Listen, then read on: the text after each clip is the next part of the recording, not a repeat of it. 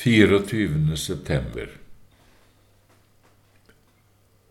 I Romerbrevets 13. kapittel og det 12. vers leser vi Jesu navn.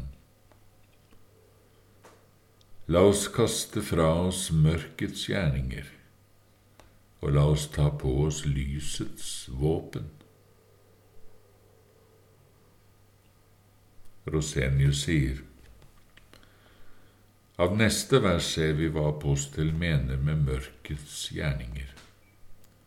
Der nevner han noen av dem fråtseri, drukkenskap, utukt, misunnelse osv. Og at han kaller slike gjerninger for mørkets gjerninger, betyr ikke bare at når en driver med slikt, så skyr en det naturlige lyset. For det er ikke det naturlige lys eller mørke det tales om her, men at slike gjerninger tilhører det åndelige mørket, den kjødelige selvsikkerheten og ugudelighetens mørke. I dette mørket lever menneskene fritt i all slags synd og last. Men det vi spesielt bør legge merke til, er at apostelen sier la oss kaste fra oss eller avlegge disse mørkets gjerninger. Og dette sier han altså til Guds barn. Og av dette lærer vi først at Guds barn ikke er helt fri for enhver grad eller form av slike synder. Riktignok lever vi ikke som verden, som selv vil synden, og lever i den uten forsøk på å vende seg fra den, men vi kan likevel smittes av den, og i tider hvor søvn eller store fristelser tar tak i oss, kan vi lett fanges av lystne, som også mange helliges historie viser. Av dette lærer vi å ikke straks fortvile eller fordømme oss selv eller andre kristne når noe slikt får slippe til i oss. Nei, hvis bare hjertet vender om fra synd, holder seg i tro til sin frelser og søker Hans nåde til forlatelse og frigjørelse fra synd, da er det ennå nåden som hersker over oss. Det har vi all grunn til å takke Herren Kristus for. Han som ga oss en fullkommen nåde over virkelige synder. Men det andre vi skal merke oss her, er apostelens egentlige formaning at vi skal kaste fra oss disse mørkets gjerninger. Vi skal, på grunn av all den nåde som bare skjenkes oss, virkelig sette alt inn på å slutte med dette. Apostelen sier ikke la oss bare kjenne og erkjenne syndene våre. Nei, han sier la oss avlegge dem. Her har vi nå det rette kjennemerket på det som skiller en sann fra en falsk kristen. Den første forskrekkes i sitt hjerte over sin synd. Han søker all Guds nåde og alle nådens midler til å bli kvitt synden. Men den sistnevnte gjør en hemmelig pakt med synden og vil beholde den. Han unnskylder den overfor seg selv, selv om han nok av og til med sin munn erkjenner synd. Det er den falske kristne. Riktignok kan et Guds barn i prøvelsens stund glemme Gud og oppføre seg som om Ånden fullstendig skulle ha forlatt ham. Vi ser det hos Peter når han tre ganger fornekter sin Herre. Men Peter gikk straks etterpå ut og gråt bittert. Slik er også enhver sann kristen i sin ånd dypt fiendtlig mot sin egen synd. Men hvordan kan dette skje, at vi rett og slett avlegger synd?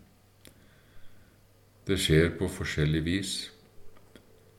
Noen synder kan vi uten videre straks avlegge, Og da skal vi glede oss og ikke tale om skrøpelighet, men lovprise Guds nåde. Men andre synder blir derimot vår tukt og ris gjennom lange tider, ja, kanskje for hele livet. Og hvis det ikke var tilfellet, så ble vi jo fullstendig syndfrie, selv om det ikke er noe mindre vi etter Ånden trakter etter, for den godtar ingen synd. Når vi så kjemper mot de syndene som ennå henger fast i oss, så de ikke får makt over oss som hos verden, så skjer heller ikke det ved vår egen kraft, men bare ved at vi tar vår tilflukt til Hans, hans veldes kraft og tar på oss lysets våpen. Lysets våpen er motsetningen til mørkets gjerninger. Mens mørkets gjerninger besto av synder og laster, består lysets våpen av renhet, avholdenhet, årvåkenhet, og framfor alt tro, kjærlighet og håp i hjertet og i vårt daglige liv. Dette er våpnene vi kjemper med mot kjødets fristelser og mot verdens og djevelens forførelser. Vi merker oss at apostelen, når han nettopp har talt om mørkets gjerninger, likevel her, som deres motsetning, bruker uttrykket lysets våpen og ikke lysets gjerninger. Med dette gir han uttrykk for at her kommer det til å bli strid og kamp. Her er det nødvendig med våpen hvis vi alltid skal kunne bestå i tro og Guds frykt. Det kristne livet blir aldri et enkelt og lett liv, slik som de har det, de som sover om natten. Det blir ofte en hard og langvarig og farlig kamp, der det gjelder å kjempe for selve livet, eller å dø og miste alt, på samme måte som i en krig. En krig er ikke enkel og lett. Det er alltid uro, livsfare og frykt. Der må en bestandig være årvåken og være rustet til ny kamp. Snart er det troen og samvittigheten som angripes, så vi på ny står i fare for å bli fanget av trelldommens åk. Snart det ytre livet, der djevelen vil styrte oss ned i synd og skam så er det kjærligheten som settes på prøve, hvor vi står i fare for å bli fylt av hat og uvennskap osv. Mot alle disse farene må vi stå rustet og ikledd lysets våpen.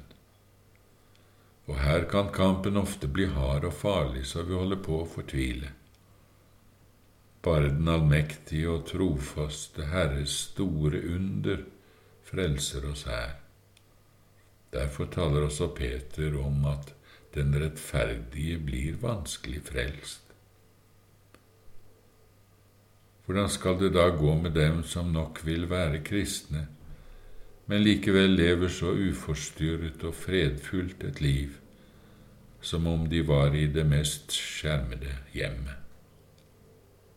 Selv om de ikke, som om de ikke hadde noen åndelig fiende som om djevelen ikke lenger hadde noe ondt i sinne mot dem, og som om kjødet og verden ikke lenger var noen farlige fiender.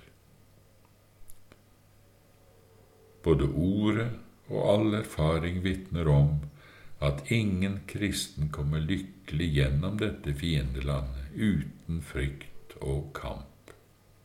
Frykter jeg ikke for noe, så er jeg i stor fare og troen er utenfor all fare, midt iblant fiender som alltid trenger innpå en, det er et stort bedrag.